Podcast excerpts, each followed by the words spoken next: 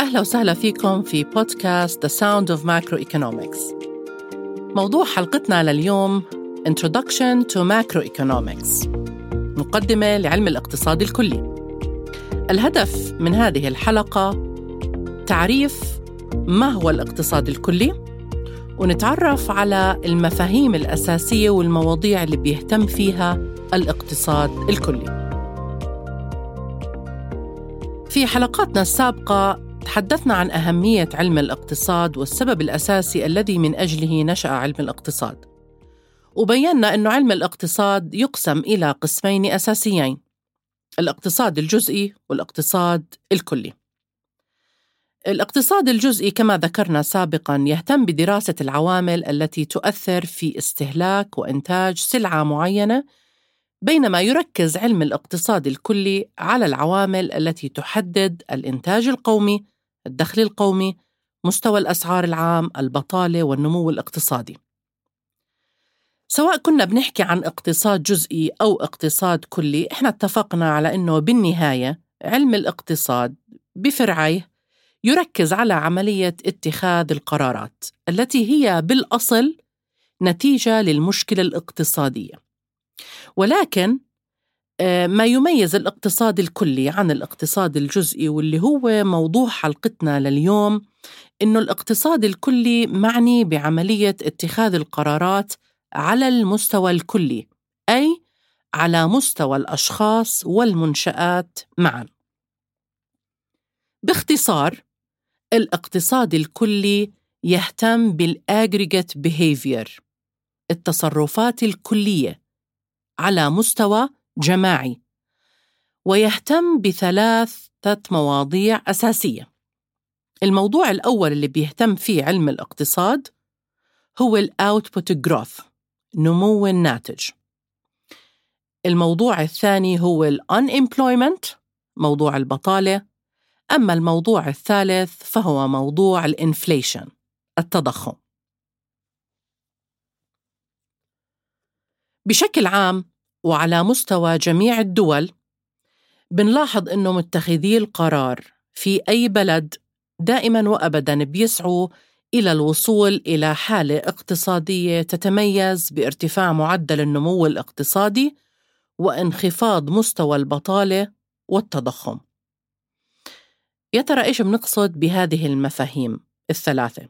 ماذا نقصد بنمو الإنتاج؟ ماذا نقصد بالتضخم؟ وماذا تعني آه، لنا البطالة؟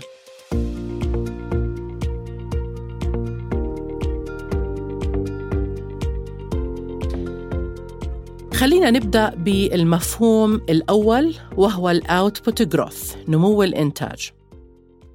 إنتاج أي بلد يتحدد بالسلع والخدمات المنتجة والمقدمة من داخل البلد مثل إنتاج الطعام، الملابس، الآلات، خدمات التعليم، الحماية، الخدمات الصحية، طبعا القائمة تطول.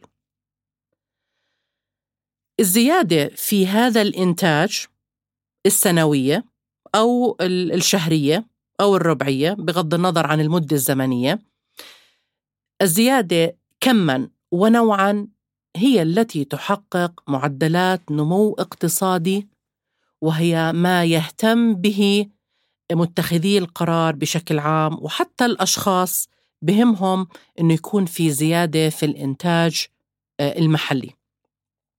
يمكن نتساءل إيش أنا بستفيد من زيادة الإنتاج سواء كفرد أو كبلد أو كمجتمع؟ ما هي فوائد مثل هذا النمو؟ بكل بساطة زيادة الإنتاج تعني إمكانية تلبية احتياجات المجتمع وإشباعها وهذا بذكرنا في أحد جوانب المشكلة الاقتصادية وهو أن لدينا حاجات لا محدودة. اذا أنا النمو الاقتصادي والنمو في الإنتاج المحلي بالنهاية سينعكس على تلبية حاجاتي اللامحدوده والتي هي جزء من المشكلة الاقتصادية واللي أنا دائما ببعث ببحث عن حل هذه المشكلة. طبعا كل ما استطاعت الدولة أن تستغل الموارد الموارد المحدودة بين أقواس الجانب الأساسي من المشكلة الاقتصادية. كل ما استطاعت الدولة أن تستغل الموارد المحدودة بطريقة أفضل لإنتاج أكبر قدر ممكن من السلع والخدمات كلما زاد آه، مستوى الرفاه الاقتصادي والإشباع لدى أفراد المجتمع. وخلينا نحط خطين تحت كلما زاد مستوى الرفاه الاقتصادي. لأنه هذا مشروط مستوى الرفاه الاقتصادي حتى يزيد مشروط بآلية توزيع عادلة. لأنه أنا ممكن يزيد عندي الإنتاج ولكن ممكن تكون آلية التوزيع غير عادلة. وممكن بعض الأشخاص ما يكون في عندهم وصول لهذه المنتجات وبالتالي أنا ما عكست زيادة الإنتاج على تلبية احتياجاتهم وما انعكس على الرفاه الاقتصادي لهذه الفئة تحديداً. إذا خلينا نتذكر دائما السؤال الثالث في علم الاقتصاد وهو تهوم. لمن سنقوم بالإنتاج وآلية التوزيع؟ إنه ضروري يكون في عنا آلية توزيع عادلة حتى فعلا زيادة الإنتاج تنعكس على رفاهنا الاقتصادي. إذا مفهوم الاقتصاد بشكل عام وزيادة الإنتاج هي من أهم المواضيع التي يركز عليها الاقتصاد الكلي لأنها معنية بالرفاه الاقتصادي والتوزيع آه، لهذه المنتجات على السكان بشكل كلي. إحنا بنتعامل مع الموضوع بمنظور كلي. هذا بالنسبة للمفهوم الأول. اللي بيهتم فيه علم الاقتصاد وهو ال output growth نمو الإنتاج.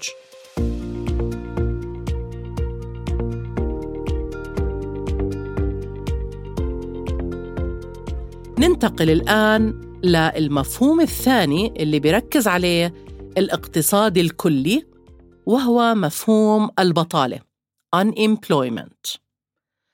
هذا موضوع مفصلي. وهو أحد أحد المؤشرات المهمة لأداء الاقتصاد.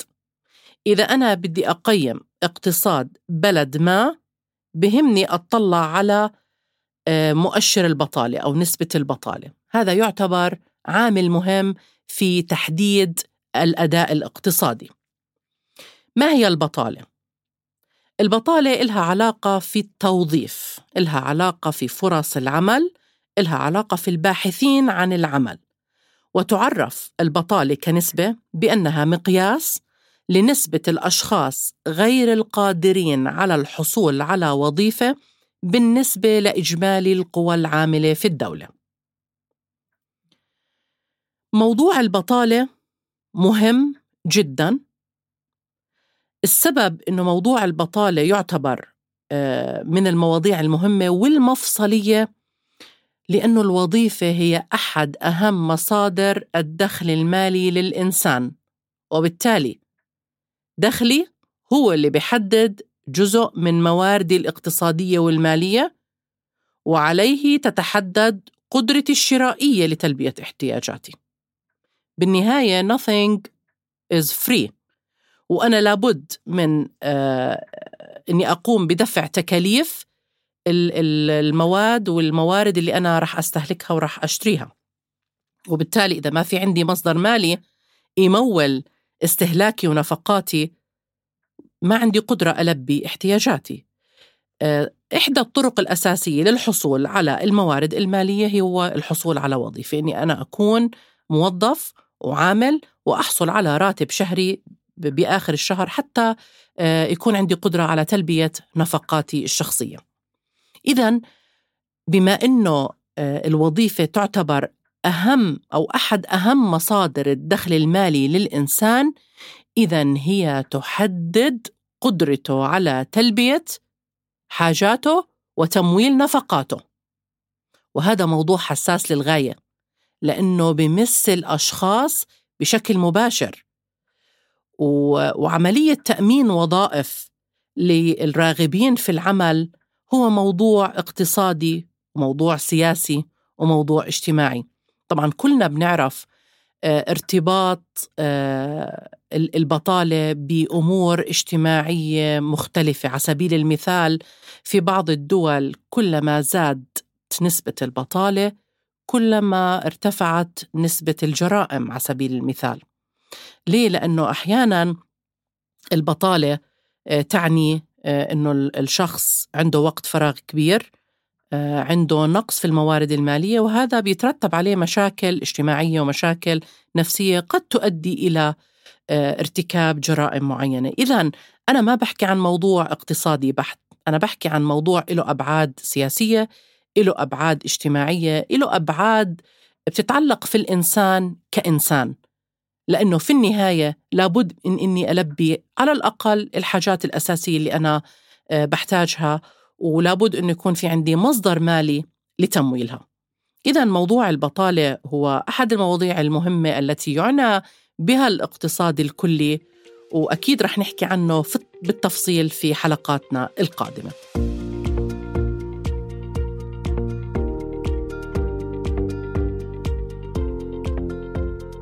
ننتقل للمفهوم الثالث والأخير اللي بيركز عليه الاقتصاد الكلي. هذا المفهوم هو التضخم inflation.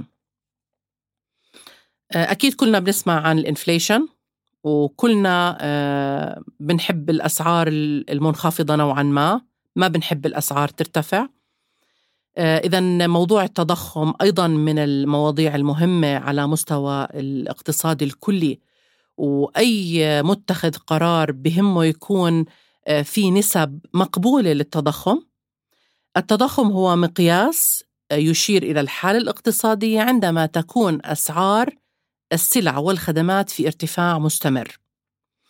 طبعا الأسعار هي محدد أساسي لعملية الشراء والسبب إنه السعر هو الذي يحدد آه، الكلفة اللي أنا ممكن أتكبدها لما بشتري سلعة معينة. اذا كلما ارتفع السعر كلما زادت كلفة الشراء وبالتالي قلت قدرتي على تلبية احتياجاتي إذا كان دخلي محدود.